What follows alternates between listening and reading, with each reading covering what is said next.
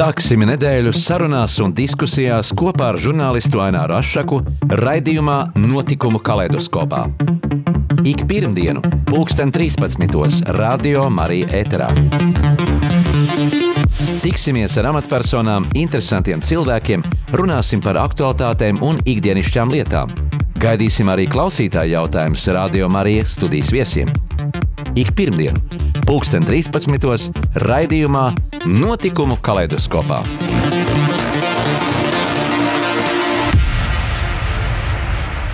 Esiet sveicināti, cienījamie radio klausītāji. Kā alaži pirmdienā šajā laikā aicinu ciemos interesantus cilvēkus. Um, un šodien uz sarunu esmu aicinājis retro auto motomuzeja īpašnieku uh, Normundu Orleānu. Un mūsu saruna būs par senajiem spēkratiem. Sveiks, Normund! Labdien! Nu, šajā mm, ziemas dienā, kad uh, ceļi pieputināti un, un, un, un, un, un gandrīz pabraukt nevar, tev mājās ir daudz, daudz spēkratu. Nu, kā tad tas viss aizsākās, viss šis ceļš uz šo privāto moto muzeju? Nu, tas aizsākās samērā sen, jo to aizsāka mans tēvs. Viņš bija bortmehāniķis un arī bija iespēja palidot ar lidmašīnām. Pārstājot to darīt, viņam ļoti liela interese bija par tehniku.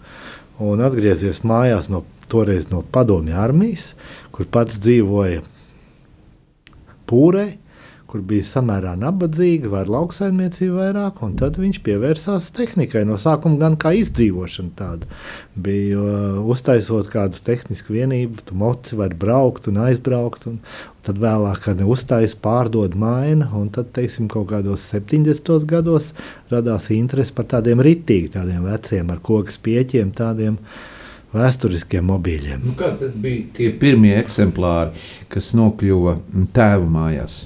Nu, pirmie, toreiz jau bija pat grūti nopirkt padomu automašīnu, un ļoti daudz jau mēģināja atrast tādu vecu dzelzi un braukt ar viņu. Un tēvam pirmais, kas trāpījās, tas bija tāds Renault. Viņš bija tāds tā kā gludeklis. Un tad ar to automašīnu uztaisīja viņa tādu, un gan filmās, filmējās. Tas bija viņa ziņā ļoti ienesīgs projekts. Viņš man liekas, viņu divas, trīs reizes pārdeva un nopirka atpakaļ. Jo pārdodot, jau visi gribēja tā cēlu un skaisti braukt, bet pienāk tas brīdis, kad tev jāremontē, un tu nemāki to saremontēt. Un tad lūdzās, vai tēvs nevar nopirkt atpakaļ. Tādā veidā tas notika. Jā, kur jūs dabūjāt tos meistarus, palīgus, kas nu, mācīja tur izfrēzēt, izvirpot? Un sašūt, sagatavot visus. Jo automašīnas, nu, ja nolietots automašīna bija tāda, kāda ir, viņu vajadzēja atjaunot, un tur vajadzēja arī kaut kādas zināšanas un paraugus. Pēc kā vadīties? Toreiz jau bija ļoti daudz meistaru. Gan arī mūsu rajonā, kur mēs atrodamies Pārdaugavā, mums bija blakus vismaz kādi 3-4 frēzētāji. Jo katra iestāde, kas kaut ko, kaut ko gatavoja, viņiem bija savs metāla apstrādes cehs, varbūt minimāls, tāpat arī galdniecības lietas. Un vēl jau bija saglabājušies tie meistari teiksim, no 20, 30 gadiem, kas prata uztaisīt kārtīgu krēslu, kas zināja, kas ir tur kādi franču salaidumi vai tādas lietas. No, no, no tiem katrā ziņā ļoti daudz varēja mācīties. Tā šodien ir liela problēma. Jo jaunie, jaunie nav tik liela pieredze, vecie ir miruši un aizgājuši vai pensijā, un darba galda arī tāda likvidēta ir. Tagad ļoti daudz ir jādara pašam. Jā. Kā tu atceries savu bērnību eh, kopā ar tēvu? Sākot strādāt, tu biji kā māceklis tēva darbnīcā? Nu, es gan vairāk biju, man bija tāds, kā lai saka, radošāks tas gars, jo es uh, ilgus laikus nodarbojos ar zīmēšanu, kaut kā no pabeidzu angļu ģimnāziju, tepat blakus, un tad skolotāja teica, viņš ar puiku labi zīmē, vajag viņu vest uz pionieru pili pie ģērmaņa un klēnes tur zīmēt, un tad es varu teikt līdz kādiem, līdz astotai klasē gāja zīmēšanā, un, un vasaras nometnes. Un tur man arī izveidojas kaut kāds tāds priekšstats par skaisto, par, par daudzām lietām, par pustoņiem, mēnām un krāsām.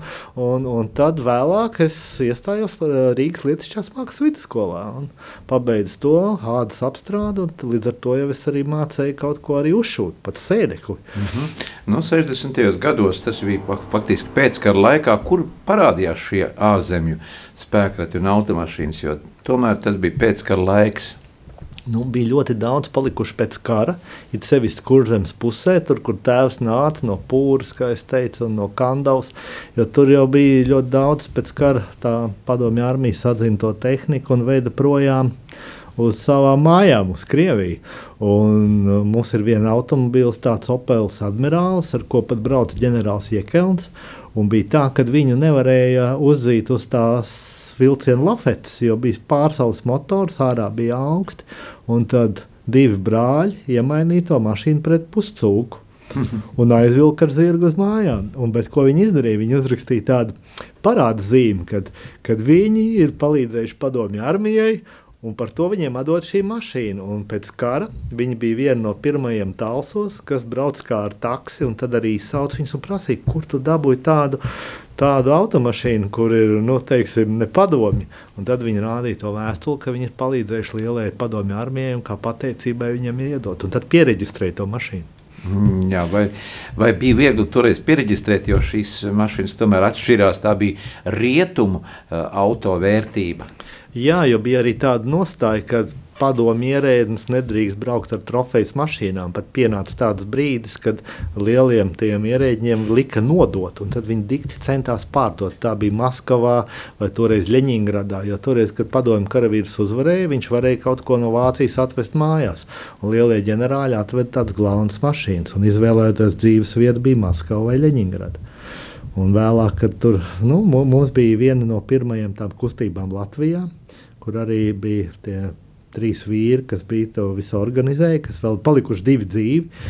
Viņi arī aizsāka to kustību, un tēvam bija biedra kartes numurs desmitais toreiz, un viņa bija viena no tiem asiem, kas vilka no turienes un restaurēja un taisīja, jo interesi bija liela toreiz. Normūd, vai jūs bijat pirmie pirms eh, Rīgas motoru muzeja? Mēs nē, bet motoru muzejs jau tas jau tikai radās jau vēlāk, bet, bet kā tāda retro auto kustība jau bija aizsākusies jau mm, šogad ap, ap, ap, aprita tam biedrībai 50 gadi. Ja. Mēs, ne, mēs, nu, mēs esam 20 gadi uh, tikai nodibinājušies biedrība jauni. Tādi jā, samērā jauni, bet, bet, bet tādi spēcīgi. Jā.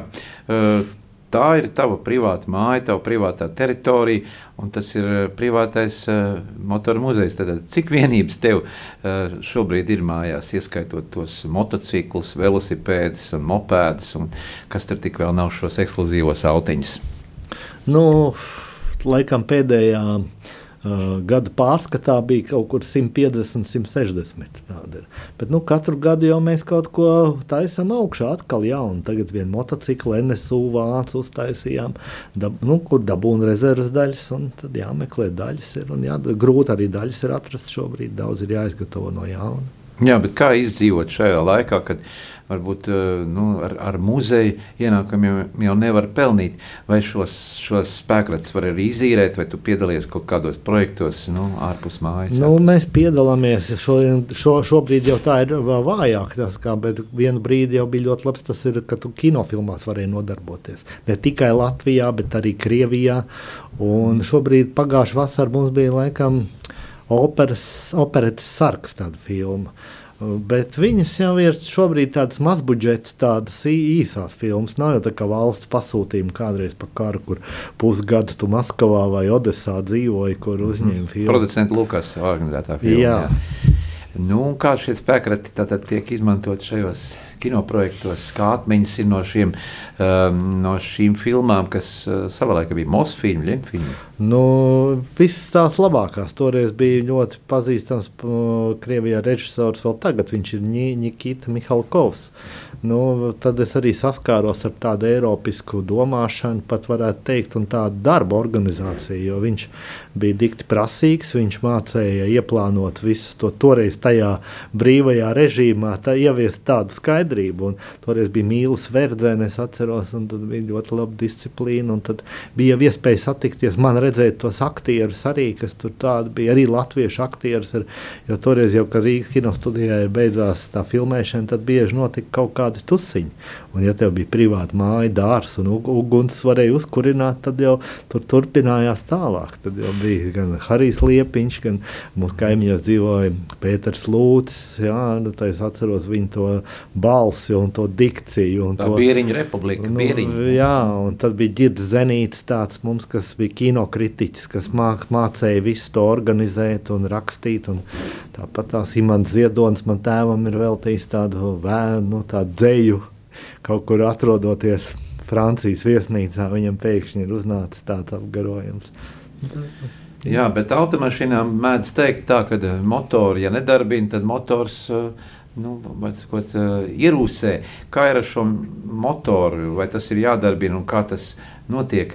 Tu iedarbini pa brīdim šīs Nu, jums ir taisnība, jo īstenībā, ja mašīna netiek lietota un stāv viņa bojājās, to es esmu pats pārbaudījis. Ja, jo viss bre, bremžu, cilindriņi, trubiņas, šļauciņas, viss kļūst vecs, pārlūst, aizaug un tas visu laiku. Un arī automobīlim, jo mēs zinām, ka tur tie gredzeni sasēžās un ir tādas tehniskas vienības, kur tev ir jākustina.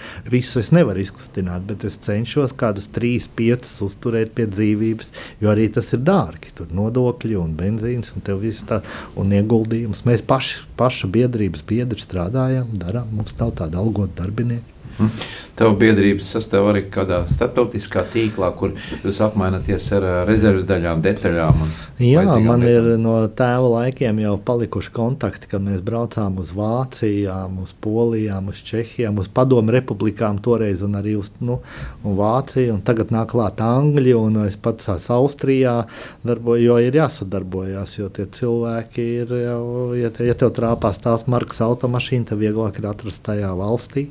Un nevienmēr nopirkt internetā ir lēti. Ja, ir bieži gadās, ka tu pats kontaktu pa, pazīsti un tu vari iemainīt mm -hmm. daļu pret daļu līdz ar to tādā veidā. Ne jau daudzas tās lietas ir iegūtas nopērkot, viņi ir ar darbu. Bieži gadās uztais man šo automašīnu, braucam, tad es tev vadošu to savu graustu. Tad ir tev, jā, nu, nu, jā, jo toreiz vēl sākumā jau bankas nebija, kredīti nebija, leasing nebija, bet nu, vajadzēja kaut kā, kaut kā rosīties, domāt, attraktīvāk. Jā, nu katrai šai automašīnai šim eh, spēkratam ir savs stāsts. Eh, kas ar to ir braucis, kas to ir lietojis, eh, kā īpašumā tas ir bijis. Varbūt pastāstīja nedaudz tuvāk mūsu klausītājiem par to. Būtu interesanti dzirdēt, jā, tātad, kas ir bijis šis iepriekšējais īpašnieks, vai kas ir to lietojis, braucis, slavens mākslinieks vai politiķis. Jā, nu mēs arī cenšamies tā mašīnām, katrai ir tas uh, ne tikai reģistrācijas numurs, bet tie rāmji un motoru numuri. Un pēc tiem teiksim, var noteikt, kurš ir pasūtījis to automašīnu. Un Vācijā viss tie dokumentācijas sevišķi par tiem ir saglabājusies. Un tas jau līdz ar to gan ceļa automašīnas vērtību, vēsturisko vērtību, gan arī, gan arī tā izziņas moments arī interesants, jo katrs mašīnas stāv unikāls cilvēks ar savu vēsturi stāstu. Un man ir teiksim, tāda vācu dzelzceļa tīkla bosam piederējuša automašīna, kurš līdz pēdējiem brīdim Berlīnē nodrošināja tos vilcienu sakarus. Tad tāpat kā minēja ģenerālim Jekelnam, kurš Baltijas valsts vilspavēlnieks bija. Mm. Tad man vēl ir tāds, nu, ir katrai mašīnai ir bijis, pat ir bijis um, Liepājā mācītājiem piederējis Mercedes 170. Es, protams, aizmirsu viņu uzvārdu, ja, bet gara auguma vīrs ja, bija tāds. Tā arī nu, tā, tas bija aizbraucot uz liepais to salidojumu. Tu pienāk vīrs klāt gan ne man, manam kolēģim. Viņš saka, man ir tāda mašīna. Tā kā tā ir. Tad ir arī ar motocikliem ļoti daudz ir, uh, sacensībās, kas piedalījušies. Un ir tāds žurnāls motors, kur tu vari izlasīt, ja tu zini, kas brauc, kā viņš startējas. Jo tā domāšana jau toreiz bija dikti tāda, tas bija ļoti moderni. Ja tev ir motocikls vai automobīls, tas jau laikam kā šodien kaut kāds iPhone vai iPods, ka tu esi kaut kas tāds. Toreiz jau velospēds maksāja divas govis. -hmm. Motora automobīlim riepa arī maksāja tikpat, cik velosipēds. Tās cenas izcenojumi jau bija milzīgi. Nu, kā ar degvielu, ar, iedarbinot šos uh, senos spēkratus, vai tie um, darbojas ar mūsdienu benzīnu, ar, ar dīzeļdegvielu? Nu, viņi darbojās, bet tas ir, tā, ir tāda tīra nāve, ja, jo tiem automobīļiem ir pavisam citas kompresijas pakāpes Pavisam viņam vajadzīgs cits mazāk oktānu skaits tai degvielai. Pielējot šo degvielu klāt, viņa spēja viņu motoru sabojāt, tur vārstus izdedzināt. Tur katrā ziņā viņi ir pilnīgi nepiemēroti tam, bet nu, ir jāmēģina jāmēģina, jā, jā, jāmēģina noregulēt tas motors tā, lai viņš būtu pēc iespējas draudzīgāks tajā degvielā, jo izējas jau nav. Mm -hmm. Un kaut kur, teiksim, es zinu, ka Vācijā ir tas svina benzīns, ko tu vari īpašos gadījumos pieliet un braukt, un arī Somijā ir tāda piedeva, ko tu vari pieliet. Protams, tas neatbilst zaļai domāšanai, bet nu, nevajag jau aizrauties ar to transporta līdzekli. Kā ir, kā ir šīs ārzemju mašīnas vairāk? restaurēja arī padomju laikos Moskvičs, Kārlīšs un Pobēdis. Nu, man vairāk interesē gan tas ārzemju mašīnas, mm -hmm. vācu, jo, jo arī tā tehnoloģiskā domāšana ir pavisam savādāka. Ja man, teiksim, tēvam bija Maibachs, kur jau 38. gadā bija automātiskā ātrumkāra pašregulējošie vārsti, tur jau ir, teiksim, pat 30. gadu Chevrolets man ir tāds, ko brauc Bonijas un Klaids laupī bankas. Viņiem jau ir augšējie vārsti un apakšējie karburātori. Tās automašīnas jau tādas tehnoloģiski ir augstā līmenī. Nekas jau nav simt gadu atpakaļ, jau nekas nav atšķīries. Pat tas pats elektromobīls jau, jau ir, tad jau bija izdomāts, tikai nebija, nebija vēl viņam vajadzība. Tomēr mūsu ceļi, mūsdienu ceļi ir diezgan sliktā stāvoklī, varētu teikt. Tajā laikā arī bija brūģis un ceļu segums nebija tas labākais, kā ar amortizāciju šiem mašīnām. Nu, ir tā, ka automašīnām bija lielākas riepas nekā smagai mašīnai. Līdz ar to viņiem arī šis, eh, šis ceļa segums nebija tik bīstams, un tie amortizatori nebija tik jūtīgi. Viņi bija tādi, kā lai saka, pret tādiem lielu triecienu izturīgām, nu, be, pret lielām bedrēm. Kā, nu, viņš vairāk gan grabēja, grabēja, čīkstēja, koks pieķi čīkst. Iebraucot peļķē, viņi uzbriest, viņi nečīkst. Tas arī bija tāds tehnoloģisks mm -hmm. risinājums. Varbūt arī mūsu klausītājiem ir kāds jautājums. Atgādināšu, ka variet piezvanīt studijā pa tālruņa numuru 67 969 67 969 131 vai arī rakstiet e-pastu un e-pasta adrese ir studija atrml.clv. Studija atrml.clv. Variet rakstīt arī īziņu, un īziņas numurs ir 266, 77, 272. Atgādinu, ka mēs šobrīd studijā sarunājamies ar retro auto muzeja īpašnieku. Mm, īpašnieku, lielāko muzeja īpašnieku Baltijā, tā varētu teikt, vai ne? Nu, lielākais, tā grūti tā lepni, tas būtu tāds, ka nu, viņš ir, palie, viņš jā. ir iet nozīmīgs. Teiksim, Latvijas mērogā ļoti nozīmīgs. Uh, jā, tad, tad auto muzeja īpašnieku Normundu Orleānu. Bet tagad uh, Normundu tev arī būs jāpiedalās kopīgā dziedāšanā. Uh, skanēs uh, Raimonda Paula uh, dziesmiņa, autobraucēja dziesmiņa un piedziedās mums arī mūziķa Evija. Es mēģināšu padziedāt līdzi un arī tev jādzied. Dziedāsim, jutīsimies kā tavā spēkratā, traucoties pa Latvijas ceļiem.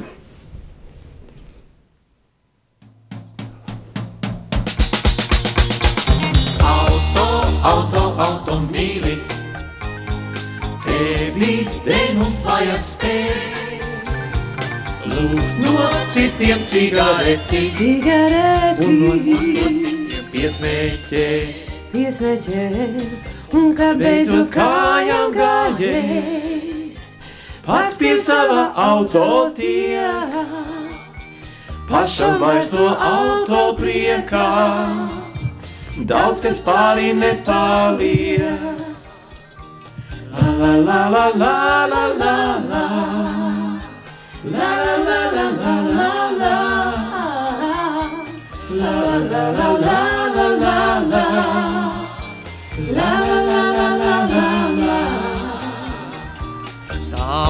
braucējs mūžā galā atkal mācās kājām skriet. Tad, kad labākajā nezin, vairs tik kreisā kājā iet. Un kad beidzot kājām gājies, pats pie sava auto tiek, pašam vairs no auto priekā, Austers pari ne pali. La la la la la la la la. La la la la la la la. La la la la la la la la. La la la la la la la. La la la la la la.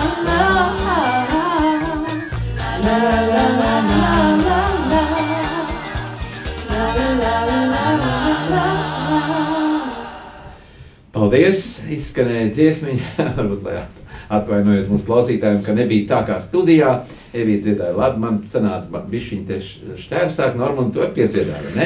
Nu, diemžēl Dievs nav apveltījis man ar šādu. Nu, man arī neiznāca tā kā vajag, jo tad bija tāds pirmo reizi tāds eksperiments, ka mēs dziedam uh, pavadījumā jau līdz, ko ierakstīts ir Raimonds Pauls studijā un dzied Nora Bumbiera, Viktors Lapčēnaks, bet, nu, bieži mēdz arī tā cilvēki braukt ar mašīnu un savā nodabā dungot kādu melodiju. Nu, kā tev ir ar šīm melodijām, ar dziesmām, kad tu uh, pārvietojies automašīnās? Nu, ir jau ja tie seši tālie gabali, ja, tad gribās kaut ko uzlikt, kādu disku. Arī, lai kā tu proti, tu dūc līdzi. Man gan vairāk patīk dejot. Es esmu, esmu tāds dejotājs. Tu esi dejojis, ja? Man, es esmu dejojis, un mēs arī ar Diānu, ar savu sievu, daudz dejojam. Man patīk tieši tās modernās dejas. Jā, pastāst par savu ģimeni. Jo, lai uzturētu šādu muzeju un pārvaldītu tajā visu sistemātiski un, un uzturētu to kārtībā un, un, un, un pieņemtu viesus, to visu izrādīt neapšaubām. Nu, tas ir tāds nu, ģimenes uzņēmums, biedrība. Nu, biedrība ir tāda plašāka, bet visa ģimene mums ir iesaistījusies.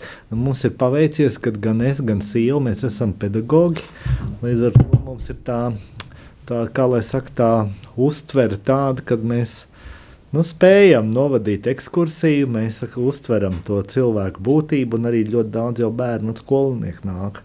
Tev jāmāk arī tā, to pastāstīt. Un Angļu gimnājā bija pat tāda mācību programma, kad nāca vidusskolas klases un nu, skatījās par iekšzemes un par vispār autobūvniecību. Tas ļoti patīkami ir. Bet nu, dēls mums pārvalda tā vairāk ņem to juridisko, juridisko un ekonomisko pusi, jo arī tādam uzņēmumam ir vajadzīgs tas jurists, un kas visu gatavo gada pārskats un pār, nu, pārvalda. Un man ir divas meitas kuras arī palīdz tāpatās. Un, un, un tur jau arī kaut kāda putekļs jānoslauka, jāizmazgā. Un, un meita ir uh, vīrs, un tas arī ir tuvu tam, tehnika ir tuva. Tā kā, nu, mēs esam visi tādi uh, nu, darba spējīgi, griboši neviens tām nemēģina novēlt to sniegu bumbu uz otru, kas ir tuvāk. Tas arī vada, kurā valodā kas atnāk. Kāds, jo dzīvojam tuvu lidostai, ļoti daudz ārzemnieku brauc, līdz ar to tev jābūt gatavam. No sākuma gan bija bailes, ja tev atbrauc itāļu, ķīnieši. Nu, kā tu spēj to, bet izrādās viņiem ir tādas uh, arī jā, ierīces, kas spēj tulkot. Tas, ir, bija, nu, tas jau tagad jau neuz, nevienu neizbrīna, neko, bet tas sākumā bija interesanti. Ļoti Jā. interesanti. Katrs cilvēks atstāja sev tādu tādu kaut ko paliekošu nospiedumu arī mūsu dzīvē. Nu, tev ir bijusi saruna, kā jau minēju, ar daudziem, daudziem cilvēkiem. Ir bijuši mājās arī tādi kuriozi, kad saka, nu, es gribu tādu automašīnu, kā jau parasti cilvēkam ir vēlme iegādāties. Bet ko tad tādā gadījumā atbildi? Nu, vēlme ir daudziem. Ir sevišķi, kad, kad ir labs laiks un tu brauc ar vēju un tev kabriolets. Bet vienmēr ir tā problēma, ka tev jādomā, ka tam automobilim nāk, lī, nāk līdzi daudzas, daudzas citas lietas viena no tām ir kaut vai kur tu viņu turēsi.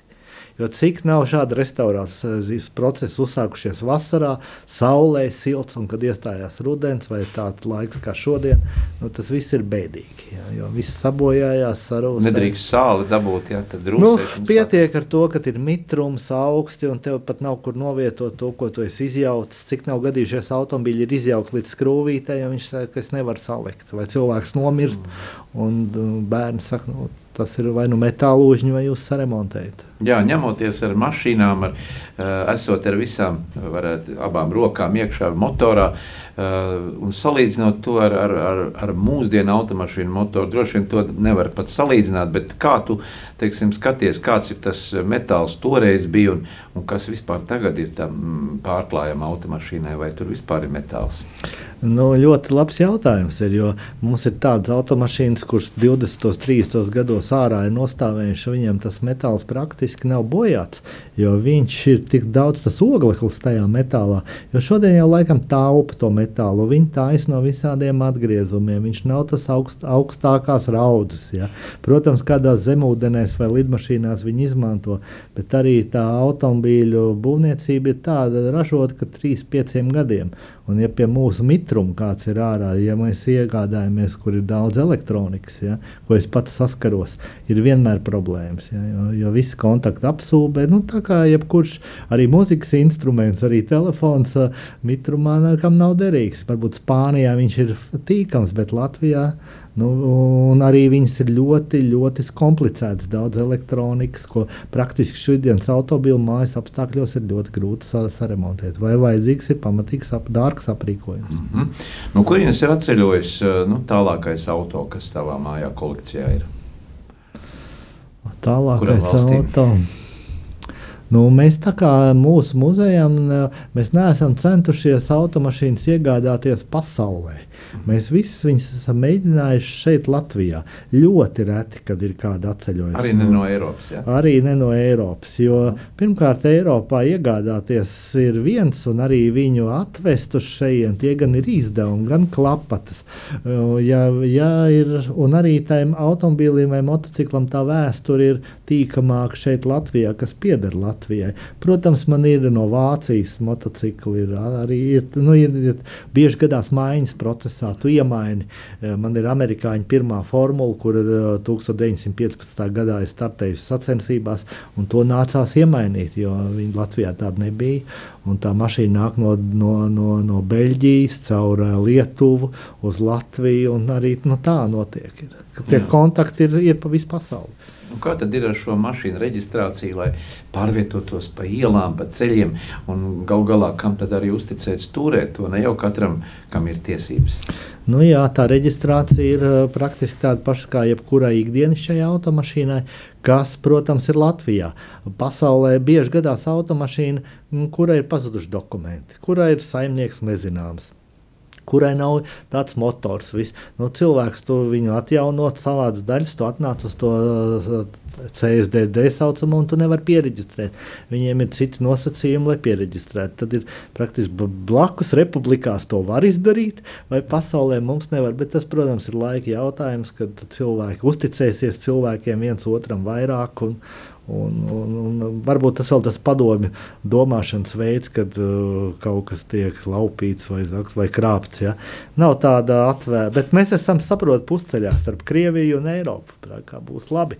Vācijā jau ir jāuzticas cilvēkiem. Mm -hmm. Arī tehniski apskatējot, ja nu, kāpēc vienā vietā tikai. Ja tu esi certificēts servisā, var iziet to apskati pie meistara, kurš tev godprātīgi veids to. Tev, es uh, kādreiz biju tavā motā auto muzejā, automoto muzejā. Un es atceros, ka tur ieejot, eh, nu, tur bija perfekta kārtība. Perfekta tīrība, uh, nu, smaržoja pēc ceļām. Nu, tas bija tāds patīkams uh, smarža, un, un, un, un tās automašīnas bija nopulētas. Nu, varētu teikt, tā kā tiešām ar santa lupatiņu jānotiek, kā, kā uh, glamūrs bija virsū. Kā dabūt šo krāsu, un šo spīdumu un, un šo laku? Ja?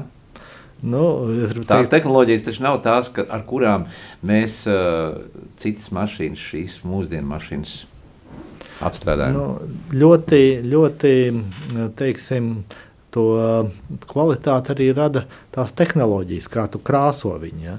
Nevienmēr tās tehnoloģijas, kas šodien ir tās pašas labākās. Kādreiz, lai teiksim, to spīdīgo krāsojumu iegūtu septiņu reizi krāsojot, nitro krāsu, uzlaudzējot to kārtu, katru viņu slīpējot, līdz ar to tādu dziļumu iegūst. Tāpat kā kādreiz mēbelēm tādu šellahu lika virsū. Šodien jau auto laka un ātri projām, un, bet tas pavisam cits tāds kaut kāds, nu, cits pavisam veids, kā domāt.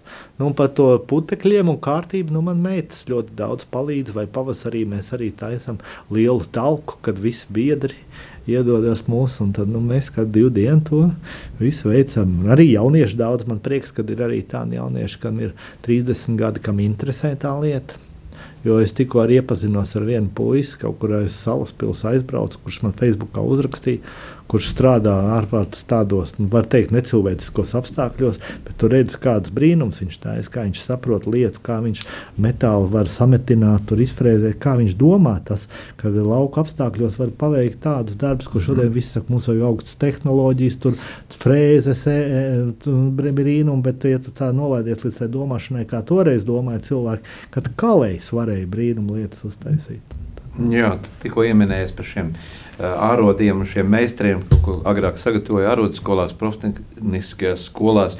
Vai nākotnē nu, būs šie virpotāji, frēzētāji un, un, un, un, un, un meistari un amatnieki tādi, kas, kas varēs arī kaut ko izveidot pašiem, tikai mēs pirksim šīs štancētās detaļas, kas ir izgatavotas kaut kur Ķīnā vai uz konvēriem radītas. Un, atsūtītas. Vai mums būs šie meistari, šie amatnieki? Nu, amatnieki, amatnieks jau vienā dienā nerodās. Jā. Viņam ir jāpabeidz paudzēs. paudzēs. Kā jūs sakat, viņam ir jābūt kaut kādam meistaram, kas iemācīja, viņam ir jābūt šiem darba galdiem, kas iemācīja. Un pats galvenais, ka arī līdz ar to viņam jābūt iespējai nopelnīt.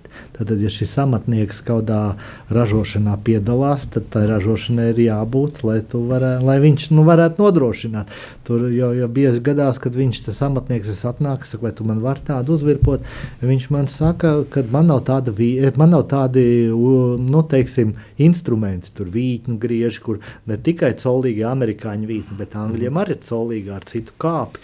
Un tur tā nu, nav bijusi iespēja cilvēkam trenēties. Kā kādreiz bija vefs, tur bija tik daudz virpotāju Viņi dienām virpoja. Un to atnāca viņš ar aci paskatās, pieliek pie šmirģeļa metāla. Viņš zina, kas tas par tēraudu, kādu vajag. Ja, un, un tas bija, un bija arī vieglāk, vieglāk toreiz bija. Un arī nebija lēti, jo toreiz jau arī padomu laikā jau bija kaut kāda alga 120, 180. Un tev vajadzēja dal, nu, kaut ko vajadzēja atdot arī tur. Mm -hmm, mm -hmm. Ir. Nu, jā, bet uh, šie, šie meistari, teiksim, restaurācijas darbs ir nu, tas, tas, tas ir sarežģīts. Tur, tur jāapmaksā vairāk kā parastam remonta atslēdzniekam, kas labo automašīnu. Neapšaubām, tāpat arī restauratoram, kas mēbeles senas restaurē vai pīlis vai ēkas. Tas ir pavisam cits nu, līmenis, augstāk latiņa meistarībā. Jā, jums ir taisnība, bet ir tā, ka bieži tu dienu nostrādā Un tas, ko tu izdarījis, nav izdevies. Pats minimums tas ir. Jā, jā un tad ir atkal, un ja tu kaut kādu pasūtījumu kādam uztaisīji, tad saki, bet es taču dienu strādāju, tev man jāmaksā. Mm -hmm. Bet viņš saka, tu taču man neko neesi izdarījis. Ja? Tā kā bieži gadās, bieži gadās, ka tu lietas kopā, teiksim, kaut kādu tehnisku vienību saliec, un tu jūti, ka tu nepareizi. Tev vajadzēja sākt no otras gala, tev viņš viss ir jāizjauc. Un atkal tā, tad, un, un tā gadās divas, trīs reizes. Jo tā domāšana, kā, kā veidots angļu motocikls, vācu motocikls un padomju, ir atšķirās. Tā domāšanas veids ir pilnīgi savādāks angļiem, kā viņi to visu veido. Un, Nu, bet tu esi pētījis tās automašīnas. Jā, mēs kādreiz eh, teicām, ka jau tie žigulīši ir Fiat kopijas un Moskvičs tur ir no Volkswageniem nākuši. Eh, jā, kā tas, kā tas ir? Tas tiešām tā bija, ka jā, eh, padomi, teiksim, Krievija PSRS nokopēja šīs ārzemju automašīnas modeli un izveidoja savējo, lai radītu. Nu jā, pārsvarā viss tā arī bija, ko es varu teikt par tādu motociklu ēmka, ja? Tas jau ir no BMW kopija. Motocikls īši. Tā ir kopija no DKV. Panonī vēl bija. Jā, Panonī bija Ungāri. Tas ir Ungāri, ja? bet teiksim, tas pats arī uz automašīnām. Piemēram, jūs teicat par to žiguli. Nu, ir tas Fiat jā. kopija. Ir Fiat Zaporožits, ir kopēts arī no NSU. Bet, nu, es gribu teikt, Fiat bija veiksmīgs, žiguls bija veiksmīgs, bet, piemēram, Motorola, Vjatka un Vespa. Ir kā dizains vienāds. Bet es smejoties, saku, varbūt tā vietka ir pa gabalu kopēta. Ja? Nu, tā kā, nu, it, kā, it kā viss ir, ja? bet veids pat tā dinamiski ir. Tu vienkārši, bet nu, tā ir kaut kā. Arī tie paši mopēdi, ja, kā mums bija mopēdi, arī velosipēdi. Piemēram, mums jau bija ērempreis velosipēds lielākā rūpnīca, bet Latvijā bija 60 darbnīcas, kas taisīja to neviens nezina. Un tad, kad ērempreis aizsūtīja, aizsūtīja prom uz Ukrajinu, tur viņš izveidoja Ukrajinu un atgriezās atpakaļ kā inženieris. Tā kā tas tā. Jā. Atgādinu mūsu klausītājiem, ka mēs studijā šobrīd sarunājamies ar retro automuzeja īpašnieku Normundu Orleānu. Bet tagad atkal muzikāla pauzīte, lai skan oriģināls dziesmas bez mūsu dziedāšanas, bez studijas dalībnieku dziedāšanas.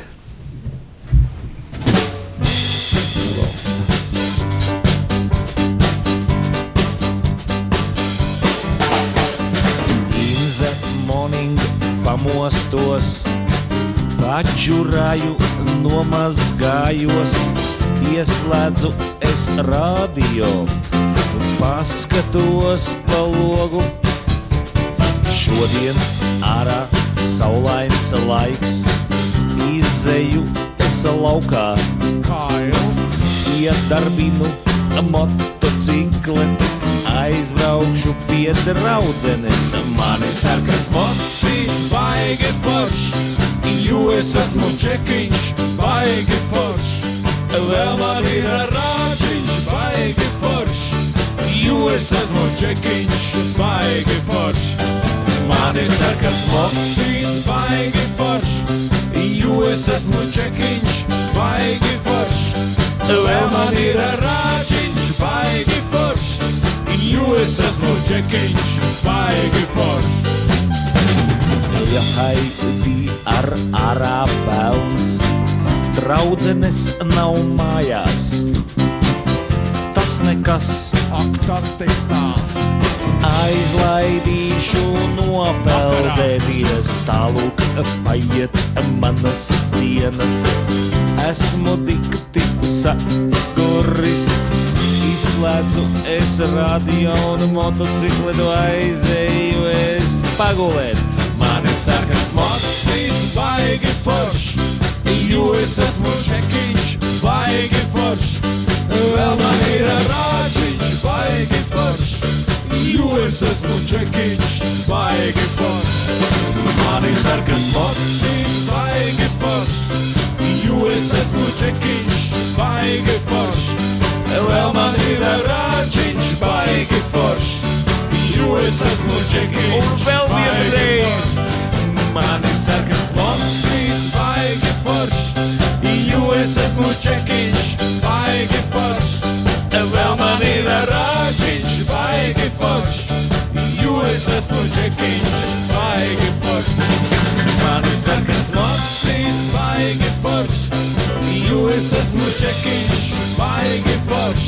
Vēl man ir rāčiņš, baigi forš, jo es esmu čekiņš, baigi forš. Turpinām sarunu studijā. Atgādinu, ka mēs šodien sarunājamies ar autoretro muzeja īpašnieku Normundu Orleānu.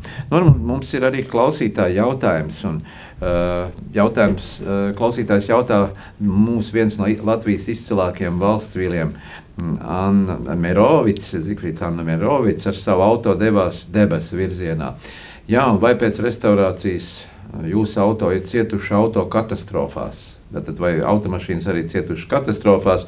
Un kā tad ir ar, ar, ar, ar retro auto drošību mūsdienās ar to tehnisko apskatu izējot?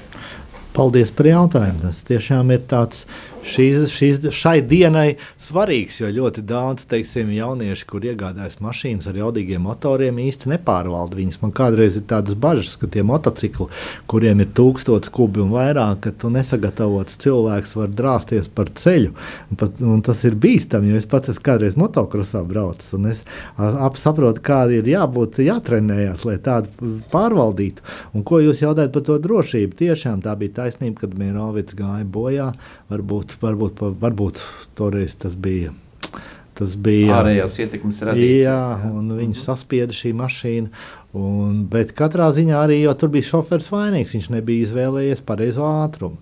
Bieži gadās, kad jau arī braucot ar tiem, jūs jautājat par to drošību, šīm automašīnām, nu, tev jāsaprot, ir, ka bremzēšanas ceļš nav tik efektīvs. Tev jāsaprot, ka automašīnā ir trīs vai četras tonnas. Ja. Varbūt, ka automašīnai nav bremzes priekšā, arī no rūpnīcas bijušas, tikai mehāniskas bremzes aizmugurē. Un toreiz jau nebija tās ziemas riepas. Ne? Protams, un tev ir viss tas jāņem vērā, lai tu varētu pārvaldīt to un ne, nevajag trakot. Un, un, un arī, ko es gribu teikt, un paldies Dievam, tie ātrumi nav tik ātri tām mašīnām. Un, un cik bija maksimāli?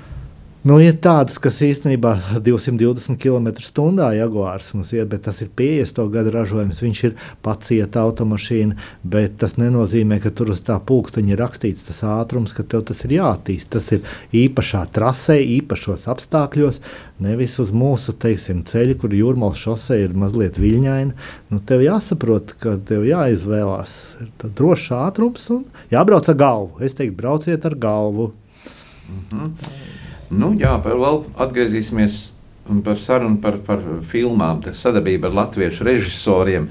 Uh, latviešiem ir kopš 90. gadiem arī ļoti daudz filmu, uh, kurās mēs redzam šīs retro automašīnas, un cik es saprotu, tās ir tava muzeja.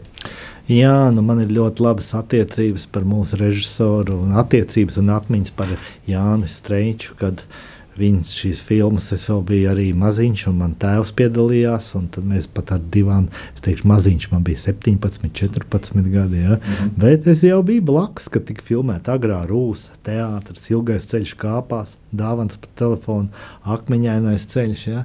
Tur pavisam tā, tad tu redz to aizkulis un to, to šārmu un skaistumu. Un, Man ļoti patīk. Un mēs ar Jānu Streiču vēl laikam kādus četrus gadus atpakaļ bijām Reizeknē, bija pilsētas svētki, un tad kā, bija atcerē, atcerējāmies to filmu un arī ar veco mašīnu braucām.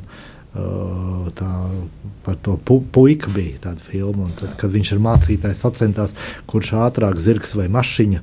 Tad tur tas tieši tas moments tika aktualizēts. Un, un atcerējāmies ar Jāni visu to, to filmēšanas gaitu. Es biju pārsteigts, kad viņš man atcerās manu vārdu no tiem laikiem. Kad, mm. Cilvēks ir ar tādām labām prāta spriešanas spējām, un tagad glezno. Un, un, un mēs arī pašlaik esam uzrakstījuši tādu uh, projektu Kultūra Kapitāla fondam. Mēs gribam uzņemt filmu, mākslas filmu par tiem uh, teiksim, dzelžu aizsācējiem pārdaugavā, jo pārdaugavā bija tāda nozīmīga vieta, kur bija nu, ļoti daudz, viņa kā desmit restaurātori bija. Un tad, kamēr vēl šie vīri ir dzīvi, izveidot to filmu, tad, ja mūsu scenārijs ir gatavs, un mēs esam gatavi to darīt, gaidām naudu, ka tagad piešķirs kultūra kapitāla fondu. Jā, vai arī mūsdienās vēl atrodas kaut kur kādos šķūnīšos un kaut kādos uh, nu, mājas, tādās garāžās, uh, senie spēkrati, kas uh, cilvēki apzinās to vērtību vai neapzinās, vai tāpat kā agrāk tur. Saka, nu, man tas nav vajadzīgs. Es domāju, ka praktiski nav nekur saglabājies nekas, jo mēs jau dzīvojam strauji. Uh, Jo daudz ir nodots metālūžņos, kas arī loģiski cilvēkiem naudu vajag, vai automašīnas ir tā pārveidotas, un motocikli, ka viņas atrestaurēt ir pat neekonomiski, nerentabli un izdevīgi. Tas, arī tas, diemžēl, ir jāskatās, tas rentabilitātes moments. Bieži gadās zvana man cilvēku uz muzeju un saka, man ir tāda mašīna, un es viņu gribu pārdot, un jums ir jāpērk, un es apskatos, un es redzu, ka tur ir tikai čaula palikusi, tur nekā vairāk nav, ne vēsturiska vērtība. Un es esmu cilvēkam, nu, mēģinu pastāstīt, bet katram jau ir izveidojis savs priekšstats par to lietu. Un, un, un labākais risinājums kādreiz ir arī nodot metālā. Jā. Nu, kā tu vēl pavadi brīvo laiku? Faktiski tavs darbs ir saudzis kopā ar hobiju jau no, no, no pašas bērnības, bet varbūt vēl tev ir kaut kāds hobijs. Uh, nu, apslēptais hobijs, ko mēs nezinām. Nu, es negribētu teikt, ka tas ir hobijs, bet tas arī ir mans tieši darbs, kas strādāja Mārupas novada domē. Es esmu deputāts šobrīd, bet es jau kādu 17 gadus esmu bijis izpildu direktors un tad pagastu priekšēdētājs. Arī ar šiem cilvēkiem, kas man ir līdzās, ir ļoti interesanti. Tur ir radoši cilvēki, un tu, un tu spēj spēja kaut ko iedzīvināt, un uztaisīt un izveidot. Novads, domāju, kurā tu pats darbojies ilgus gadus, dzīvot, tu esi viņu arī veidojis, izkopis. Ja? Ar ko Mārupe var šobrīd lepoties, varētu teikt? Nu, man ir lielākais prieks, ka to izvēlās jauni, spēcīgi, radoši cilvēki, kuri saprot, ka šis novads attīstīsies. Un arī varbūt tas ir jauki, kad ir Rīgas tuvums. Ja, jau cilvēki arī saprot, ka viņi grib strādāt Rīgā, kur var nopelnīt naudu un dzīvot labā, skaistā, nu, dabas ainavā. Mēģināt šo harmoniju saglabāt, tas ir pats svarīgākais. Kā šobrīd Mārupē ir ar uzņēmēju darbību? Ja mēs bieži par to runājam, ka nu, daudz kas ir likvidēts. Arī nu, Mārupē savulaik bija pazīstams kolhos, kur audzēja ziedus. Nu, tie paši gurķi jau laikam vēl joprojām ir, bet nu, bija arī burkānu lauki, kur tagad ir uzslēgušās privātas mājas, dārga zeme, pierīga zeme. Nu, Jā, tā raksturot to nu, kā, vidi. Kā jūs teicāt, ja, nu, cilvēkiem, kur kādreiz bija lopi, purkāni, nu, viņš šodien ir sapratis, ka viņš šo zemes gabalu var ļoti labi pārdot. Vai nu tas ir darījuma teritorijas, vai ir apbūves zeme. Protams, ejot likuma kārtībā, izmainīt šo zonējumu, un, bet arī to cilvēku var saprast, ka viņam praktiski jau šodien audzējot šo lauksaimniecības produktu, nav noiets viņam varbūt, nav, nav iespējas tur kombainas iegādāties, viņš iet šo ceļu un dzīvo viņš vienreiz. Un, Arī tā, bet, nu, protams, ir pašvaldības uzdevums ir sabalansēt, lai nav tā, ka ir blakus kaut kāda darījuma teritorija, rūpnīcas vai kaut kādas noliktavas, kur tu ar kaut kādu veiklu lokālu plānojumu izmaini un sabojā apkārtējiem visu ainavu un dzīvi. Jo cilvēks ir pircis to zemi ar mērķi, kāds ir teritorija plānojums, ka tur būs ainavisks tā teritorija. Tu, nu, tas šobrīd ir domē, bišķiņi ir klibošī lieta. Kad, ātri tiek risināti šie jautājumi, kur nav, nav pareizi. Manā uzskatā ir nepareizi tā rīkoties. Jo cilvēki grib skaidrību, drošību un grib, grib veidot to savu māju tā, lai būtu uz ilgtermiņā. Tāds tas Latvijas ir. Jā. Un kā ar to pandēmijas laiku mēs tur mm, jau divus gadus mocamies visi un gaidām to brīdi, kad, kad, kad tā pandēmija atkāpsies. Kā tu esi to visu pārdzīvojis, izcietis vai nu, teiksim, tīri personiski muzeja, muzejs bija slēgts vai darbojās, vai kā tas viss bija tajā laikā? Visi? Nu, jā, mēs ļoti daudz arī ciešam no tā, ka praktiski apmeklētāji ir mazāk. Jā, ne, ir sevišķi ārzemju turisti ir maz. Jo tad, kad pagājušajā gadā lidosta arī bija vienbrīd slēgta, un visi, mēs stipri jutām, praktiski, praktiski bijām bijām, nu, bijām negribu teikt, uz bankrota robežas. Tas tā nav, jo mēs esam bezpeļņas organizācija. Bet nu, cilvēki nenāca. Bet, nu, tagad ir atjaunojies. Nāca zvanu skolas, piesakās jau uz konkrētu laiku.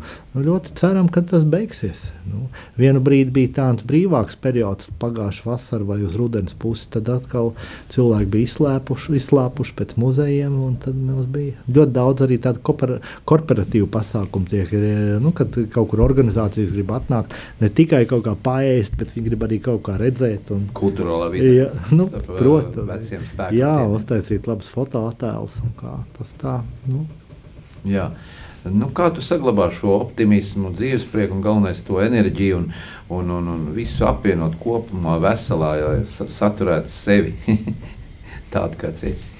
Nu, es domāju, ka optimisms tas ir mana tāda, tāda pamatbūtība. Es Uzskatu, ka jebkura krenķa, ja viņi ir, tad viņi rītā jau beidzās un sāk būs labāk. Un, un, un tas jau, es domāju, ka jāskatās ar, tā, ar tādu prizmu, ar poz, pozitīvismu prizmu uz, lietām, un, un tas palīdz sev un apkārtējiem. Jo nevienam jau nepatīk tāds rūgumpots kaut kāds. Vai arī varbūt viņam ir taisnība. Jā, mūsu sarunas laiks tuvojas noslēgumam. Uh, Normand, ko tu gribētu novēlēt uh, radio Mariju klausītājiem? Uh, par šo, runājot par šo tehniku, varbūt, varbūt kā par garīgām lietām? Nu, es domāju, ka šīs lietas, gan garīgās, gan tehnika, kādreiz it sevišķi bija ļoti tuvu augušas. Es domāju, no nu, šajā grūtajā periodā atrast sevi labu hobiju, labu nodarbošanos, jo tas palīdz pārvarēt visas grūtības, visas covid laikus.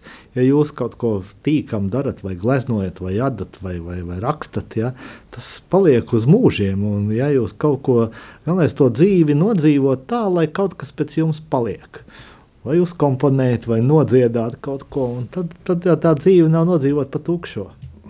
Jā, nodziedāt var šķīvi, bet aizbraukt gan nedrīkst šķīvi. Ne? Savādāk var avārija būt. Jums taisnība. Jā. Uh, Normand, vai tev ir arī sava mājaslapa, vai kaut kur var atrast tevi sociālos tīklos? Varbūt cilvēkiem interesē apmeklēt motoru muzeju. Mums ir mājaslapa, retroauto muzejs vai klasika kārpņu ziema arī svešvalodā notulkot. Un arī Facebookā mēs esam ļoti pazīstami. Tā kā rakstiet, nākiet, zvaniet, piesakieties, piesakieties. Un... Jūs esat laipni gaidīti. Jā. Paldies tev. Atgādinu mūsu klausītājiem, ka mēs šobrīd studijā sarunājamies ar um, auto retro muzeja īpašnieku Normānu Dorleānu. Novēlēsim arī tev, lai visi spēkrati turās un lai bleķi nerūsē, un lai ir daudz meistaru un palīgi, kas arī prot izvirpot un uh, sakārtot automašīnas un nopulēt, un lai pašiem ģimenē pies, pietiek spēka, lai biedrība darbojās. Uh, Un vēlreiz, vēlreiz paldies, ka atradāt laiku, lai pabūtu ar mums kopā sarunai šajā brīdī mūsu radio Marijas studijā. Paldies! Paldies, uzredzēšanos! Sāksim nedēļu sarunās un diskusijās kopā ar žurnālistu Aināru Rošu raidījumā Notikumu kaleidoskopā. Ik pirmdienu, 2013. Radio Marija Eterā.